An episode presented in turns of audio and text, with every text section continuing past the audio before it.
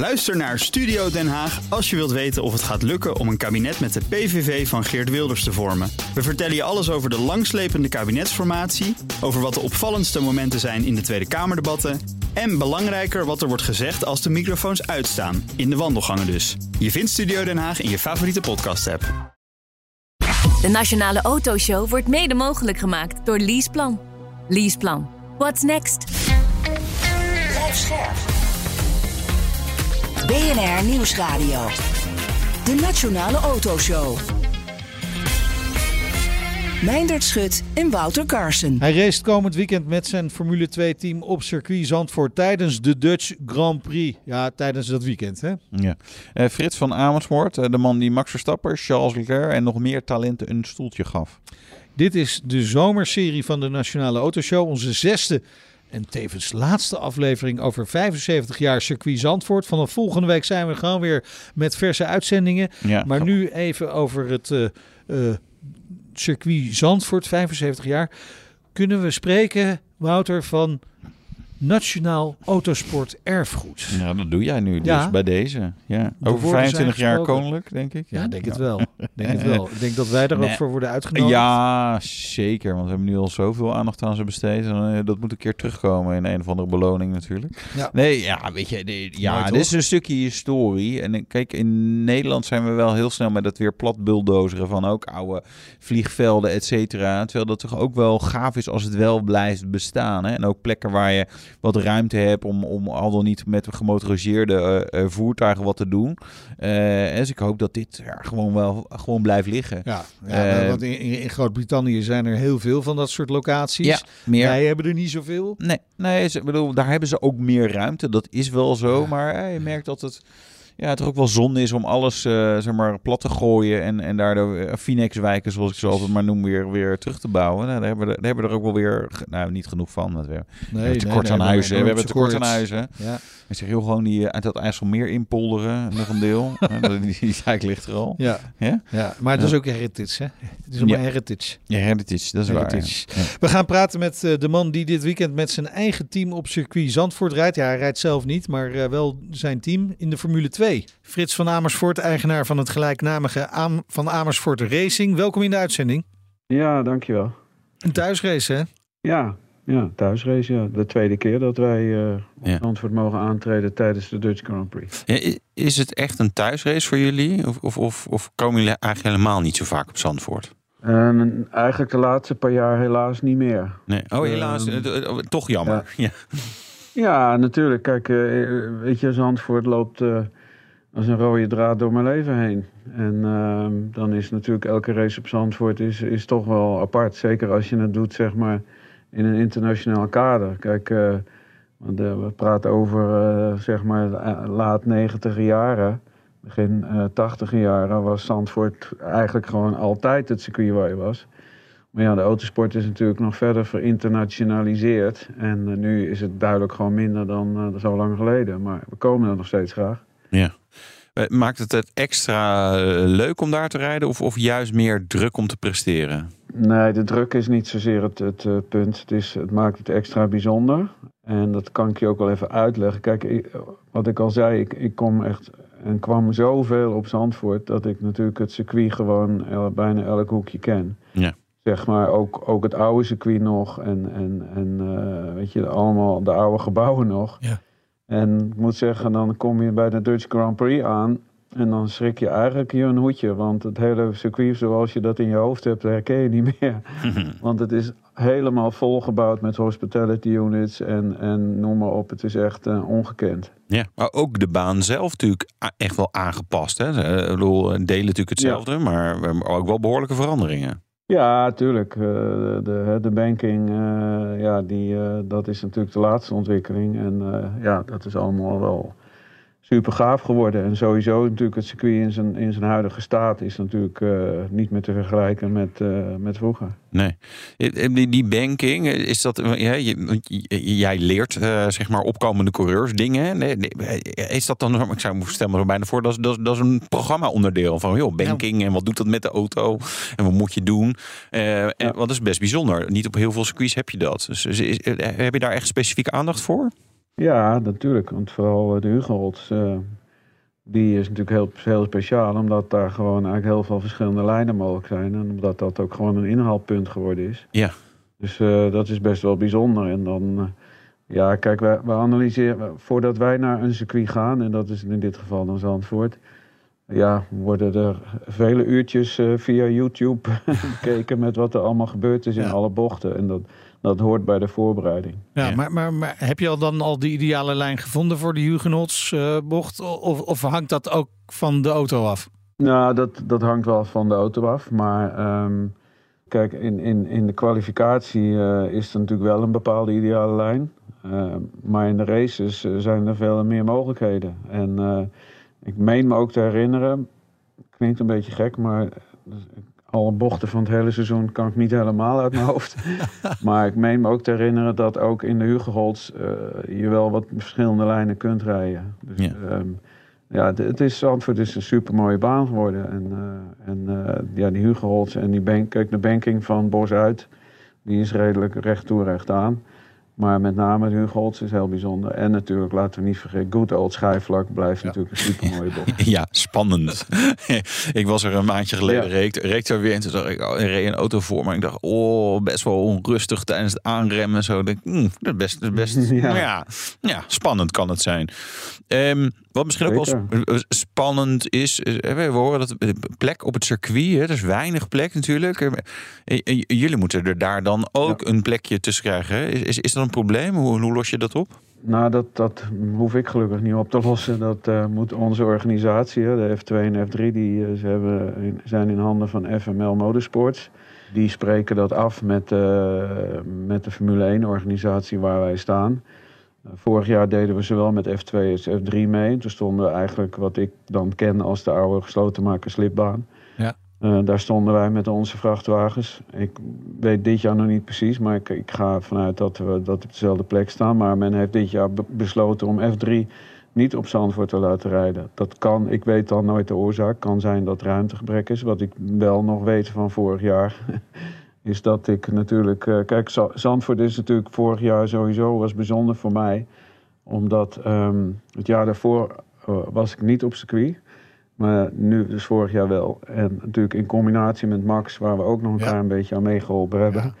Ja. Um, heb je zoiets van wauw. Maar onze organisatie vroeg ons dus om exact om drie uur, dus tijdens de start van de Formule 1, weg te wezen. Oh. dus uh, ja, dat zijn dingen die je overkomen als je in het voorprogramma zit. Ja. En uh, dat heeft natuurlijk uh, direct te maken met de relatieve ruimtegebrek op het circuit. Dat is ja. duidelijk. Ja, het is in ieder geval wel te gek dat we het over het circuit hebben. Hè? Het 75 jaar oude circuit, waar nu de Grand Prix weer terug ja. is. Heeft, heeft circuit Zandvoort ook wel echt weer op de kaart ge gezet. Had, had je het voor mogelijk gehouden dat uh, de Formule 1 weer terug zou keren op uh, Zandvoort? Voor Max niet, nee. Nee, nee gewoon absoluut niet. Nee. Dat was, dat was, daar hoef je niet eens aan te denken. Maar je ziet natuurlijk wat Max allemaal voor elkaar gekregen heeft bij werkstelligheid, wat hij veroorzaakt heeft. En uh, ja, Grand Prix is natuurlijk, uh, de Dutch Grand Prix is natuurlijk een geweldig gevolg van, uh, van het ja. succes van Max. Nou, dus eigenlijk is hij de, wel de, de echte katalysator geweest. Daarna hebben natuurlijk heel veel mensen geweldig werk verricht om die Dutch Grand Prix dat ook echt te krijgen. Ja. Maar, maar inderdaad, je, je, noemde het al, je hebt er ook een, een bijdrage aan geleverd. Hè? Want uh, Max heeft een jaar uh, bij jullie gereden. Ja, Max uh, heeft, heeft zijn eerste autosportseizoen bij ons doorgebracht. En dat was tegelijk ook zijn enige juniorseizoen. Dus Max houdt van grote stappen gauw thuis. Zo. ja, ik, moet je dan nu tegen al je andere uh, leerlingen zeg maar, zeggen van... nou jongens, kijk, dat verhaal van Max dat is wel uitzonderlijk. Hè? Normale mensen hebben meer tijd nodig. Hè? Want dat is denk ik zo, hè? Ja, absoluut. Weet je, dat, tuurlijk is dat is... Uh, uh, ik, ik weiger tegenwoordig om mensen met Max te vergelijken... omdat het gewoon niet te vergelijken is. Maar um, ja hij, maakt het zeg maar voor toekomstige uh, kampioenen niet makkelijk. En, en hij heeft de lat natuurlijk echt wel even een paar, paar, sta paar stapjes omhoog gelegd. En um, ja, dat is moeilijk. Maar tegelijkertijd kan ik natuurlijk wel tegen ze zeggen, omdat ik het van nabij gezien heb, Max in de juniorklasse, wat ze moeten doen. En, um, en dat is, dat is natuurlijk toch wel weer uh, mooi meegenomen. En dat, is ook, uh, dat komt ons ook goed van pas. Um, en Max heeft, uh, is natuurlijk, en zeker nu nog, zo enorm gedreven, zo enorm professioneel, zo enorm met zijn sport bezig. Dat, dat kan ik elke jonge coureur natuurlijk voor zijn neus houden. Ja. En um, ja, dan, dan verslikken ze zich natuurlijk nog wel eens in. Ja, ja en, en hij blijft die lat maar steeds hoger leggen. Maar uh, Frits, wie heeft er dan het meeste geleerd van het ene jaar dat Verstappen bij uh, Van Amersfoort uh, heeft gereden? Jij of Max? Nou, denk ik. ik ja, kijk, weet je, ik ben niet. ik sta redelijk nuchter in, in de autosport. Ja. Dat, dat weten de mensen die mij kennen. Ik uh, weiger ook om, om, om uh, het, het, zeg maar aan me te meten dat wij Max veel geleerd hebben. Dat heeft Jos gedaan. Ja. Er is geen enkele leermeester beter dan, dan Jos. Wij hebben hem gefaciliteerd. We hebben natuurlijk een beetje bijgedragen. We hebben ook uh, zeker natuurlijk ook ons best gedaan voor hem om zo goed mogelijk auto te geven. Maar natuurlijk, eh, als autocoureur is er maar één persoon die hem geschapen heeft, zowel letterlijk als figuurlijk. En dat, is, dat is Jos. Dat, dat is Jos. Maar Jos vond het blijkbaar wel verstandig dat hij in ieder geval dat ene jaar bij uh, Van Amersfoort Racing uh, heeft doorgebracht. Waarom was dat belangrijk? Want ik kan me voorstellen dat je het daar ook wel met Jos over hebt gehad. Zeker, zeker, zeker. Dat was in het begin ook niet altijd even makkelijk. Want ook Jos is niet de meest makkelijke persoon. um, maar het is wel vrij essentieel. En dat eerlijk gezegd is dat iets... bijvoorbeeld Richard Verschoren nu bij ons in de F2. Um, ehm, wij doen F2 natuurlijk pas voor het tweede jaar. Ja. Um, kijk, het klinkt misschien gek en het klinkt misschien onprofessioneel... maar het is absoluut een, een, een feit om zeg maar de top te bereiken in de sport. En dat in dit ons geval een autosport, maar ik denk dat in elke sport geldt is het natuurlijk is communicatie en, en eerlijk zijn en veel gesprekken en diepgaan is, is van groot belang. Ja. Eh, het is niet alleen maar aan het stuurtje draaien. Het mentale aspect speelt een hele, hele belangrijke rol. En um, ja, hoe, eh, kijk, het, eh, in je eigen taal, in je moerstaal, is er natuurlijk alles uiteindelijk veel makkelijker uit te leggen en ook veel makkelijker over en weer begrip te, te krijgen bij elkaar. En, um, en, en dat heeft Max, hebben Max en Jos ingezien in zijn eerste jaar. Uh, en nu hebben we Richard van Schoor, die dan weliswaar al zijn derde jaar ingaat, maar nu eigenlijk ons heel goed van pas komt om nu ook ons te helpen in de F2. Um, ehm, weet je, de, de, mensen die bij je in de buurt wonen, die je eigen taal spreken, ja, het komt net even wat beter aan, net even wat sneller begrip. Um, en dat, dat werkt, want autosport is natuurlijk een, een wereld van tiendes van seconden. Ja. En, en dan zit er toch tussen de, tussen de oren zit eigenlijk heel veel, zo niet het meeste. En, en dat was bij Max zo. En, uh, en, en dat hebben we dit jaar, afgelopen, nee, ik moet niet zeggen dit jaar, toen ook, uh, ook ervaren. Ook Max, maar ook wij. Ja, je, je zegt iets en je triggert daar me daar een beetje op. Uh, Nick de Vries is inmiddels natuurlijk uit de Formule 1, helaas. Eh, is, was dat vooral een mentaal issue? Hè? Want hij, hij, hij, begon natuurlijk echt waanzinnig die invalbeurt. En daarna ja, leek het, leek, leek het niet, niet, niet uit de verf te komen. Uh, soms bijna lastig om naar te kijken als, als kijker. Maar denk je dat dat vooral mentale issues zijn geweest ook? Weet ik niet. Ik, uh, ik geloof zeker dat Nick gewoon een hele goede autocoureur is. Maar kijk, dan zie je ook, en dat, dat klinkt misschien gek, maar ja, zo'n goede eerste beurt, zoals vorig jaar Monza, dat, dat ken ik. Dat herken ik. En dan zie je altijd dat je daarna in de shit valt. en, ehm, ja, dat, ja, dat is gewoon in de sport vaak zo. Dat is, eerst die dat is heel veel beginnersgeluk. Misschien, eh, hè? Dat, dat wat je ook ja, bij ja, maar ook een natuurlijk. Beetje, als het nog niet de druk erop zit, dan gaat het goed. Klopt.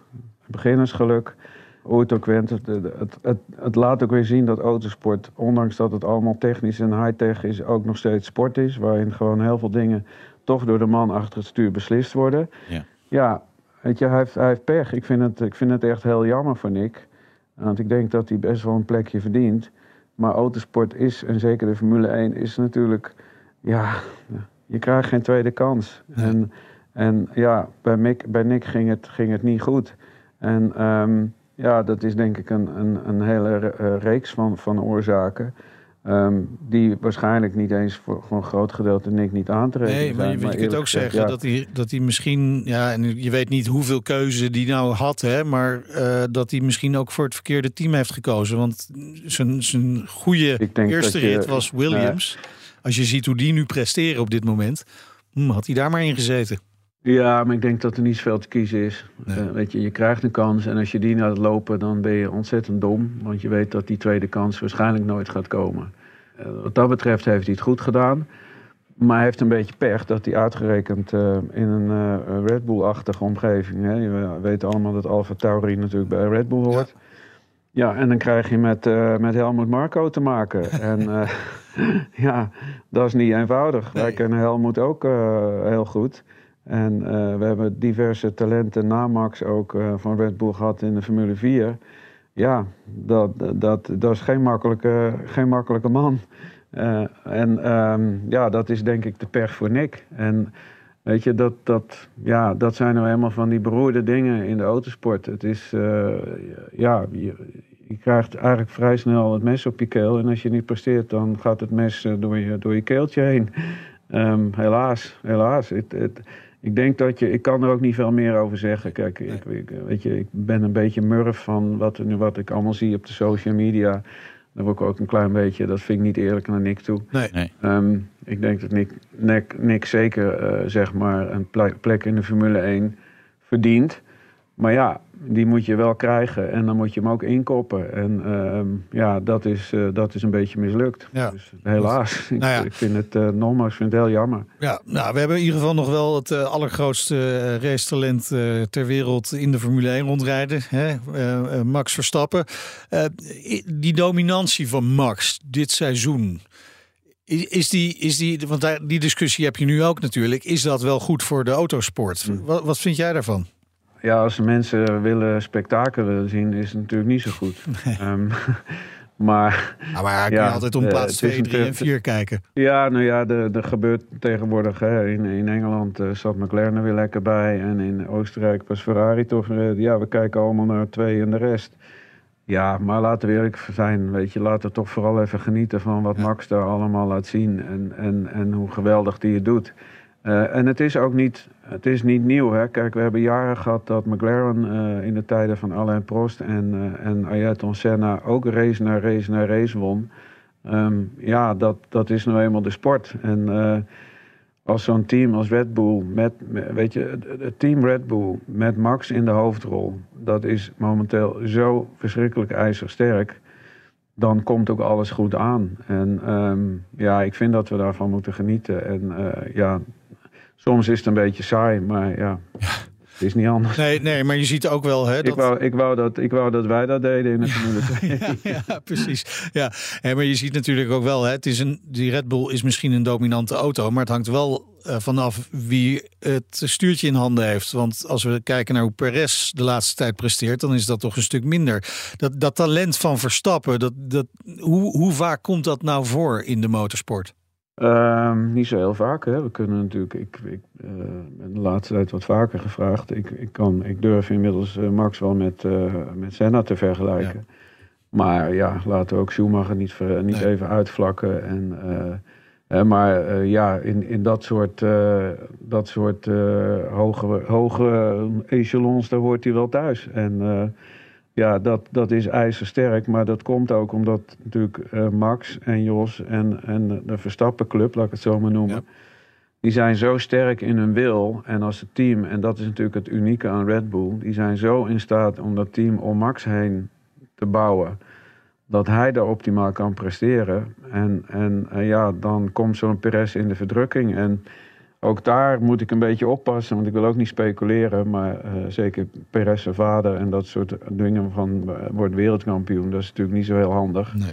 Want dat is voor de familie Verstappen alleen maar een extra stimulans om nog even iets harder te gaan. Ja, um, ja dat, dat zo, zo kenmerk durf ik gerust uh, de Verstappens, en ik noem ze alle twee maar, ja. ze te vergelijken. Weet je, ze zijn natuurlijk mentaal zo sterk en ze zijn gewoon in staat om om, om hè, want uiteindelijk is je eerste tegenstander altijd je teammaat. Ja, ja die, die, uh, die, die wordt vertrapt, die wordt vermorzeld. Ja. En uh, ja, dat is bijna schrijnend om te zien. Maar ik denk dat, uh, dat Perez het voor zichzelf ook uh, grotendeels, zeg ik, grotendeels zichzelf aandoet. Hè. Maar ja, het is, het is, het is, het is uiteindelijk. Um, je ziet hoe, hoe, hoe, groot Max, wat een groot coureur hij inmiddels geworden is. En, uh, en dat de rest eigenlijk daar gewoon maar een beetje schril bij afsteekt. Ja, ja. Terug naar 75 jaar circuit Zandvoort. Hè. Uh, je zegt al, het, loopt, het circuit loopt als een rode draad door jouw uh, geschiedenis heen. Uh, als je kijkt naar je mooiste herinnering, welke zou dat zijn? Oh, of moet die um, nog komen? Dat kan ook, hè? ja, ja, het zou mooi zijn als wij uh, met de, F, de F2-race kunnen winnen. Dat zou natuurlijk een helemaal een, een, hele grote droom zijn die uitkomt. Um, weet je, ik loop zo lang op het circuit rond, als ik het zo mag zeggen, dat ik vele, aan vele dingen terugdenk. Maar gek genoeg denk ik ook altijd terug aan de eerste dag dat ik als jongetje van 12 heen ging. En op de tribune voor het eerst Formule 1-auto's langs zag blaren. Um, dat beeld raak ik ook niet meer kwijt. Um, gek genoeg. En dat, uh, ja. Uh, maar we hebben natuurlijk uh, ook natuurlijk, met onze coureurs daar zoveel mooie dingen meegemaakt. Met Marcel Albers, um, met Jos. ja, we hebben op Zandvoort heel veel mooie dingen meegemaakt. Maar ook heel veel dieptepunten gehad. En ja, dat, weet je, het is heel moeilijk voor mij om er één dingetje uit te lichten. Het... Uh, Zandvoort is gewoon, ja, dat, dat, hoort, dat hoort bij Van Amersfoort Racing uh, als, uh, ja, wat dan ook, weet je. Als benzine bij, bij auto's. Um, ik kan het zo niet 1, 2, 3 zeggen. Het, Zandvoort is en blijft heel bijzonder voor ons. Ja, ja. Doen jullie mee voor het podium dit weekend? Gevaarlijke je vraag. Hoopt, je hoopt um, het. je mag ja, hopen. Nou ja, kijk, ik kan er ja, nou, ik hoop het natuurlijk zeker. De mensen die, laten we zeggen, ik zou ook willen aansporen, de mensen die, die Formule 1 een beetje saai beginnen te vinden, ga vooral naar de Formule 2 race kijken. Die is nooit saai. Uh, we hebben ontzettend veel verschillende winnaars. En in principe kan van de 22 auto's zijn er zeker 18 die kunnen, die kunnen winnen. En, uh, en, en dat, is, dat maakt F2, vind ik, tot een hele leuke klasse. Die, uh, moet ik zeggen, na al die jaren autosport vind ik F2 bijzonder gaaf. Omdat er zoveel bij komt kijken. En, uh, dus dat zou mijn pleidooi zijn. Ja, en wij gaan natuurlijk voor het podium. We hebben een paar weken geleden voor het eerste race gewonnen op de Red Bull Ring. Um, en dus we kunnen winnen, maar we moeten er nog steeds hard voor werken en dat blijven we doen. Mooi, heel veel succes en dank Frits van Amersfoort, eigenaar van Van Amersfoort Racing. En zometeen... Een verse rijimpressie in de oh. BMW iX1. En een bijzonder verhaal van een diehard Porsche-verzamelaar. Dus tot zo. De Nationale Autoshow wordt mede mogelijk gemaakt door Leaseplan. Leaseplan. What's next? Blijf scherp. BNR Nieuwsradio. De Nationale Autoshow. Meindert Schut en Wouter Carson. Ja, welkom terug. We zijn op circuit Zandvoort voor onze zomerserie. Ja, zometeen hoor je het verhaal achter de bijzondere Porsche-collectie van Henk Koop. Ja, die is ook wel echt bijzonder. Maar eerst... De rijimpressie. Iedere week een verse rijimpressie. Wouter test dit keer de BMW iX1. Jee, wat saai hè? Nee, niet de auto. Maar ja, weet je, elektrische auto's in het algemeen om er een rijtest mee op te nemen. Geen geluid, niet zo'n lekkere motor die voor moet werken als ik iets doe. Ja, en tegelijkertijd, ja, dat is natuurlijk ook wel weer een beetje de attractie van elektrisch rijden. Het is gewoon rustig, stil, koppel is er meteen. Dus nou ja, hè, eh, ik krijg wel eens een beschuldiging dat ik dat allemaal niks vind. Dat is niet zo, maar ik zie ook wel de nadelen. Maar goed, dat is misschien uh, voor een ander onderwerp. Nu wil ik het met jullie hebben over de nieuwe BMW iX1. Ja, ze hadden nog geen elektrische auto's bij BMW. Nou, die hadden ze natuurlijk wel. I3 is inmiddels uit productie. Uh, iX3, iX, i4, i7. Nou, en dan komen er uh, nog wel meer. Uh, 5-serie komt ook in een elektrische variant. Zal de BMW i5 gaan heten ergens dit jaar. Maar dit is ja, een klasse die BMW vreemd genoeg nog niet bediende. De, de wat compactere SUV Ehm, eigenlijk een beetje het hart van eh, de elek- elektrische automarkt in Nederland. Tot nu toe nog. Hè. Daar gaan misschien wel dingen in veranderen.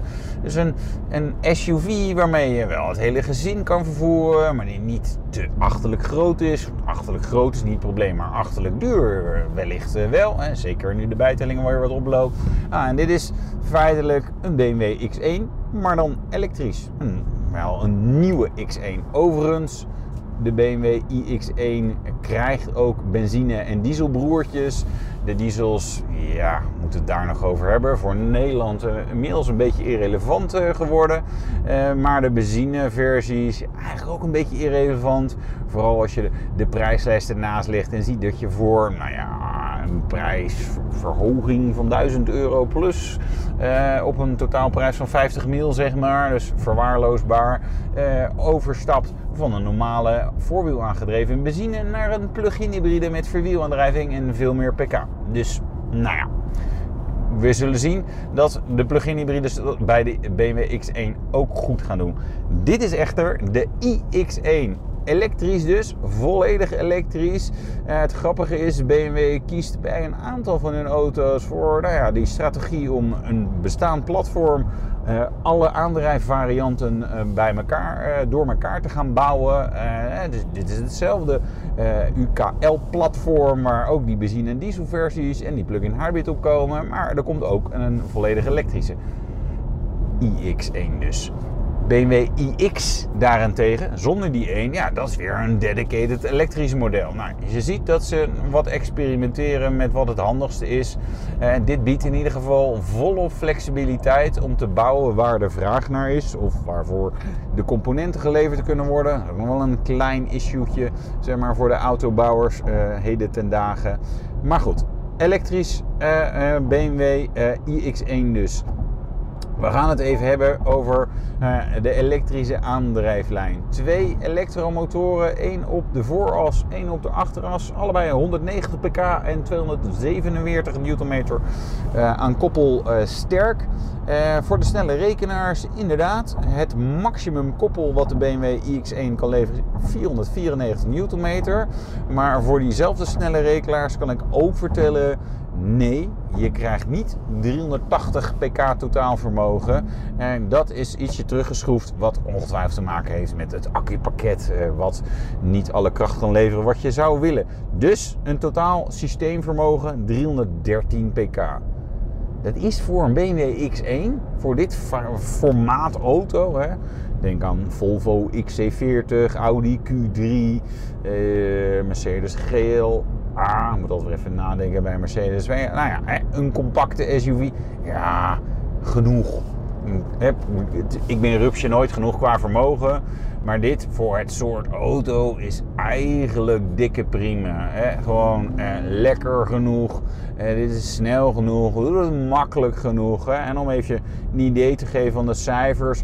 5,6 seconden naar de 100. Topsnelheid, ja, die is natuurlijk begrensd. Hè? Met 313 pk zou je best 200 plus, misschien zelfs 250 in een auto zoals deze moeten kunnen rijden. Maar uh, BMW maakt een eind aan het feest van de acceleratie bij 180 km per uur. Het is wat minder relevant in een elektrische auto, want ja, die accu die gaat gewoon te snel leeg uh, op hoge snelheid. Dan de elektrische component.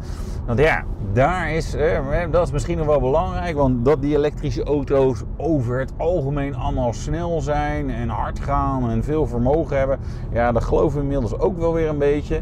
Het gaat ook om hoe ver kan ik dan uh, en hoe snel kan ik laden. Nou ja, hierin is BMW denk ik een goede middenmotor, geen topper, maar ook geen, geen maar ja, het is geen rotzooi wat ze aanbieden. Accupakket 66,5 kWh groot. Je kan tot 130 kilowatt uh, snel laden aan uh, de DC-lader. Thuis gewoon netjes drie fase 11 kilowatt. Uh, optioneel naar 22 kilowatt laden. Ja, en het bereik maximaal 438 kilometer WLTP actieradius. Dus dat is aan de ene kant prima, aan de ook weer niet record-breaking. Maar dat zien we in deze klasse eigenlijk nog niet heel veel terug. Uh, maar we weten ook, een aantal concurrenten heeft gewoon een grotere accu ook in de aanbieding. Uh, ja, en daarmee kom je gewoon verder. Het is dat heel simpel. Aan de ene kant spelen we het, uh, het feestje van efficiëntie. Dus stroomlijn, lage rolweerstand, efficiënte verwarming. Aan de andere kant hoe groter de accu, hoe verder u gaat komen. De BMW iX1. Lekker formaatje? Beetje dubbel. Ik weet, weet je, de, de rest van de wereld koopt en masse dit soort kleine, Ja. compactere SUV's. Ja. Ik zelf, mm, ja, nee, doe mij maar. eh, of een lage auto, of Ja. gewoon een, een ja, X5M of een iX. Met, een- weet je, als, het dan, als je dan toch een grote en hoog, dan moet, die, moet ik een beetje vermogen hebben. en Moet het allemaal een beetje mee kunnen. Maar ja, weet je, dit, dit, dit is perfecte auto voor Nederland. Ja, dus we geven de sleutels aan Nout. Ja, die, eh, die, ja, de Maxi Cosi past er wel Ja, in, daarom. ja. daarom. Hey, maar eh, wat wel echt wel opvallend is, dat BMW in elk geval wel echt doorpakt hè, met elektrische auto's. Ja, maar wel heel erg twee sporen beleid. En dat is niet een maar, maar dat is, eh, heel goed dat ze doen. Hè? Eh, want de X1 is er ook als plug-in hybride, ook als benzine en diesel waarschijnlijk ook. Maar die zullen ze niet heel veel leveren in Nederland. En ze, je ziet dat zij eh, iX1, maar ook eh, i4, iX3, eh, iX5, i5, i7. Ze hebben zeg maar, heel veel modellen waar ze dan eh, zowel een benzine, een plug-in hybride als een elektrische versie van bouwen. Hè? Zodat je mee kan schalen in die markt. En ik denk dat ze dat echt heel goed hebben gezien. Maakt het iets complexer om die auto's Ja. eh, te bouwen. Maar ze hebben inmiddels echt wel een heel groot aanbod inderdaad aan elektrische auto's. Dus dat doen ze heel goed. De Nationale Autoshow. Henk Koop is een van de grootste verzamelaars van Porsche-literatuur en modelauto's ter wereld. Nou, onlangs verkocht hij zijn verzameling aan de familie Porsche. En dat vertelde hij voor het eerst in onze show. hoofdmoot van mijn verzameling is miniatuurauto's en boeken en literatuur. Ik zie bij eh, vrienden van mij ook. En op een gegeven moment, hè, dan, dan kopen ze een Porsche 911 en dan een tweede 911. Ik bedoel, ja, hem gewoon in. En dan en op een gegeven moment dan sturen ze een linkje door, weet je, over van een dealerbord wat ergens te koop staat op een veiling. En die natuurlijk voor veel te veel geld. En ja, vind ik toch wel gaaf voor in mijn garage, weet je. Dat, dat Ja. is natuurlijk een beetje wat daar omheen zit. Toch de magie van het merk wat je, wat je pakt. Dus dat, dat, dat is wel... Zit er trouwens een verschil een beetje tussen wat eh, Amerikanen, want de smaak van de Amerikanen en die van Europeanen, die verschilt nogal. Hè? Volgens mij staat hier ook een Amerikaanse 911 eh, verderop.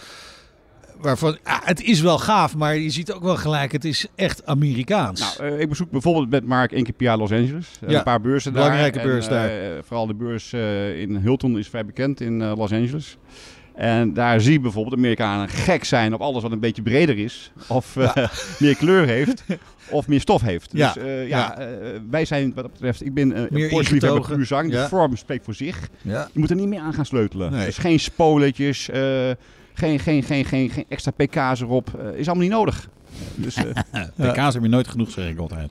En je hebt het over Hilton, eh, LA, maar wa- waar, wat zijn de plekken waar je echt geweest moet zijn als je, als je Porsche-attributen verzamelt? nou, er zijn drie eh, voor eh, de gemiddelde Porsche-verzamelaar. Er zijn een stuk of paar, nou, er zijn eh 1500, 2000 in de wereld. Echte diehards. Die gaan naar drie beurzen per jaar. Dat is al, ja, hier in Heter natuurlijk. Porsche Collectors Day. De grootste ter wereld inmiddels. Ja? Ja, echt waar. Zijn best een beetje trots op. Waar? trots op. Ja.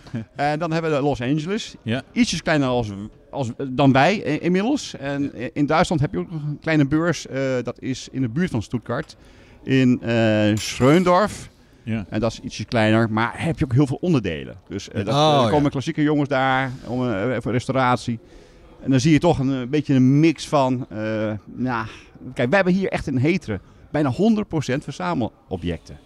In Ja. eh Schreundorf zie je 50% onderdelen. Dat is het verschil. ja, ja, Amerika, ja. in Los Angeles, waar we komen, zie je ook inmiddels meer verruiming naar het hele onderdelenverhaal en tuningverhaal. Ja, Ja. ja. Ja, Ja. ja. dat, is, dat is natuurlijk wel wat anders. Heel- Ik snap het overlap die daar, die daar zit. Eh, hoe groot is de, is de Porsche Model eh, Club Europe? Hoe? Weer 1500 leden. 1500. Ja, dat zijn echt leden, niet alleen in Europa, maar eh, ze komen overal vandaan. Dus van Australië tot Zuid-Afrika, eh, tot en met eh, Zweden, en Amerika, Canada. Ja. En eh, we hadden ook nog een aantal jaren terug eh, twee leden uit Irak, Mosul.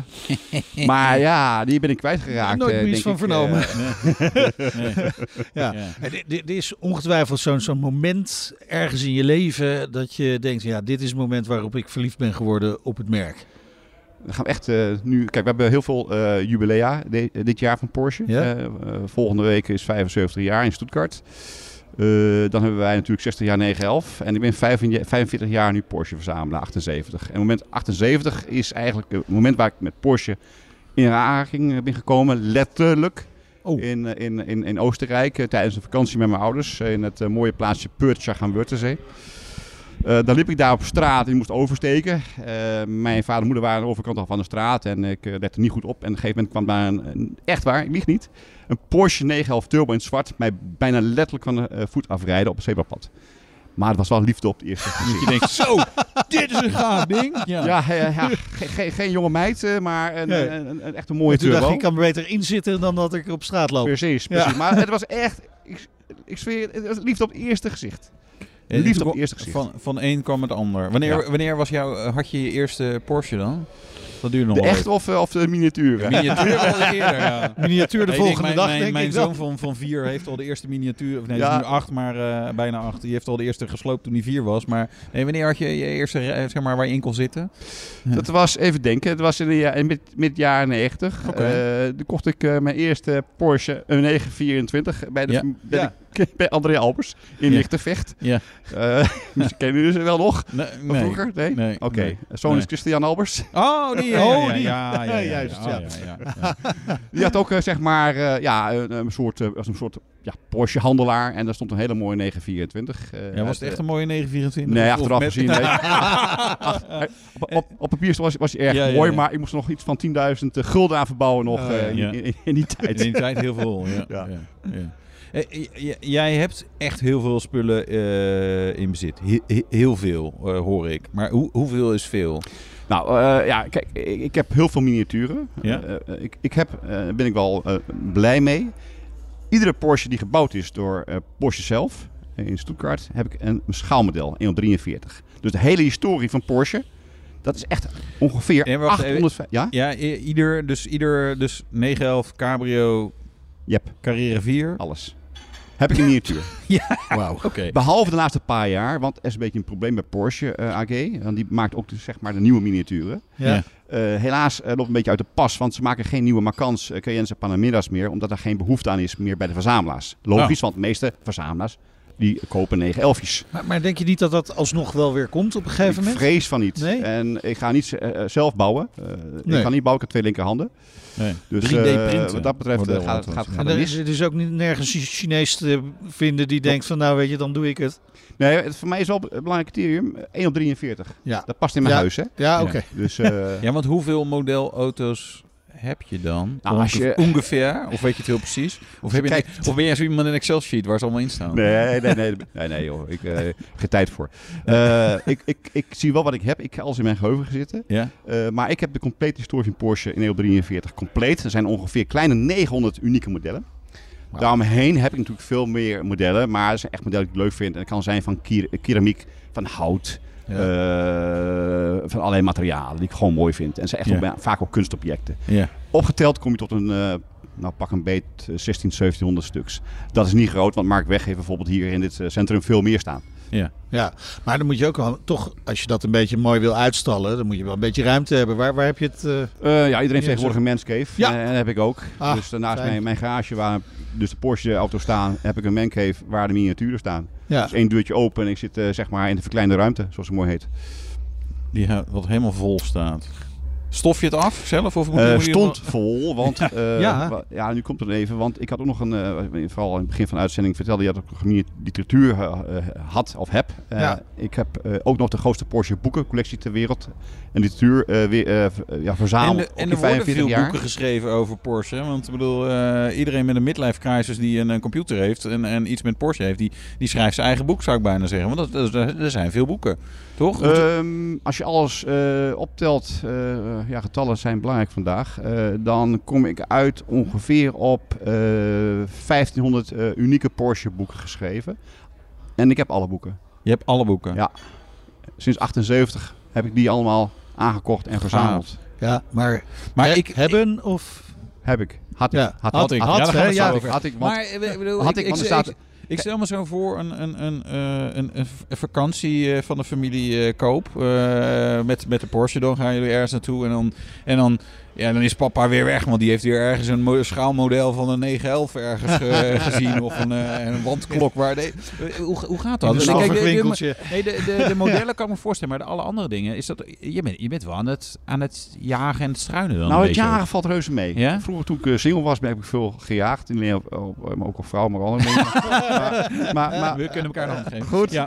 maar, maar ik heb ook heel veel gejaagd op miniaturenboeken. Ja. Nu ik inmiddels zeg maar, ja, toch een vrouw heb en een leuke dochter heb, eh, er zijn andere dingen in het leven. Dus ik Ja. jaag niet meer actief op allerlei zaken. We pakken het kunnen netjes het vliegtuig, aan de rij staan op Schiphol, vliegen naar de zon. En we vieren daar vakantie in een land waar geen Porsche boeken zijn. Nee. En eh, Ja. geen Porsche Maar, maar ik kan me ook wel voorstellen dat mensen jou inmiddels weten te vinden. Dat je er ook Absoluut, niet zo absoluut, op ja. te jagen. Ja, ja. Eh, ik krijg van... Iedere dag krijg ik appjes of iedere dag krijg ik mails eh, van iedereen in de wereld die me dingen aanbieden. Ik ga er niet op in, want ik heb Nee. alles al. Oké. En als ik iemand weet die misschien wel wat zoekt, gaat die mail of app gaat gewoon doorgesluist worden. Ja. Maar nu even naar dat andere verhaal. Want de, de, de collectie is dus wel zo bijzonder dat de familie Porsche zelf het heeft ontdekt en jouw archief heeft opgekocht. Eh, dat heb ik nog niet aan de grote klok eh, Nee. gehangen. Dus jullie zijn eigenlijk de eerste, eh, ja, zeg Ba- maar, Weet je vrouw ja, toch media wel? die zeg maar dit ervaart. We- Weet je vrouw het al wel dat ze een kamer terugkrijgt in jullie huis? Sterker nog, sterker nog. Ze was mee toen wij eh, het Oké. ondertekend hebben in Salzburg. Ja. Eh, want we zijn toen uitgenodigd door de familie Porsche voor een eh, intieme diner. Wel leuk. Dus, hoe, hoe, gaaf. hoe komt zoiets tot stand? Ik had goede contacten al met eh, de familie Porsche. En, eh, omdat eh, ik weet dat Hans-Peter Porsche bijvoorbeeld een eigen museum heeft in de buurt van Salzburg. Ja. Traumwerk, prachtig museum. Als je ooit een keer naar Oostenrijk gaat, Italië, Kroatië. En even van de snelweg af, ga even naar Traumwerk in Anger. Ja. Vlakbij de grens met Oostenrijk-Duitsland in Zuid-Bayern. Prachtig museum, er staat alles in van treintjes, vliegtuigen, schepen, maar ook Porsche-miniaturen van Hans-Peter Porsche. Dus hij is een grote verzamelaar al. In tegenstelling tot Wolfgang Porsche, eh, of Gert Porsche, hè, de, drie zonen die nog leven. Ja. Allemaal levende legendes trouwens. Eh, maar Hans-Peter Porsche is echt een verzamelaar. En ik- hij wist dat ik al een grote boekenverzameling had en literatuurverzameling had. En we hebben een beetje al gepraat over wat doe je daarmee.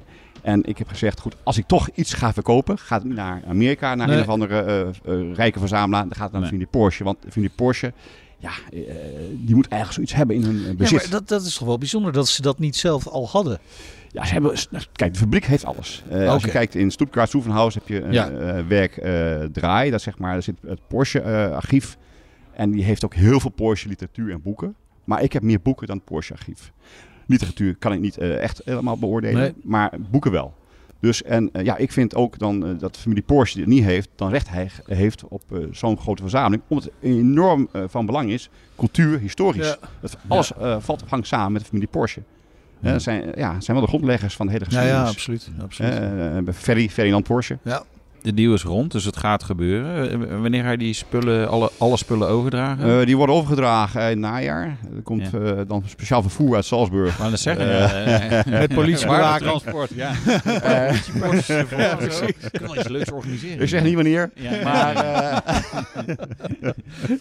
maar sommige, ja, inderdaad, eh, sommige boeken zijn heel erg zeldzaam. Ja. En, en ook Ja. eh, folders heel erg zeldzaam. Maar, maar, ik bedoel, een beetje, ben je sinds 1978 eh is toch een Porsche beetje levenswerk. Je levenswerk. Ja, Was het een wel overwogen beslissing? absoluut. Ik kijk nog even Nee, absoluut. Nee, nee, nee, Leuk is, ik blijf bij betrokken. Oké, Oh. Eh, ik mag eh, van de familie Porsche blijven jagen, heb je het meer.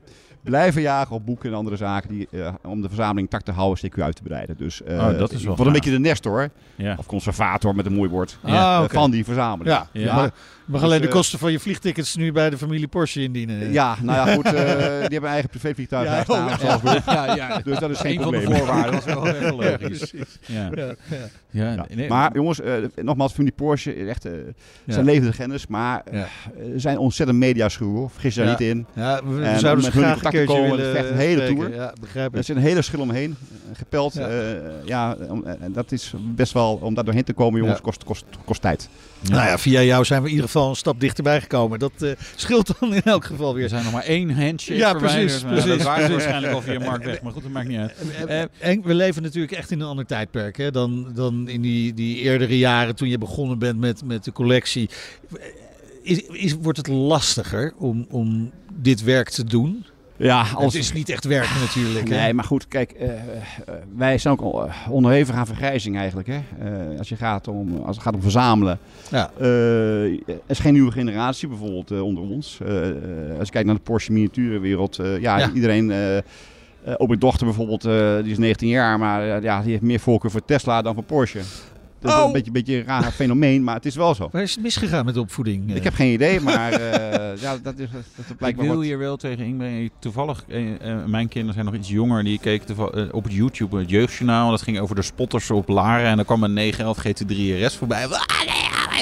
Gillend erachteraan met, ja. met hun camera. Dat waren wel jongetjes. Dus misschien dat er daar nog een soort verschil zit. in eerste instantie die, de, de jongere jongens. Nee, ik heb ook een overbuurjongetje van, van een jaar of 13 die ook helemaal weg is van Porsche.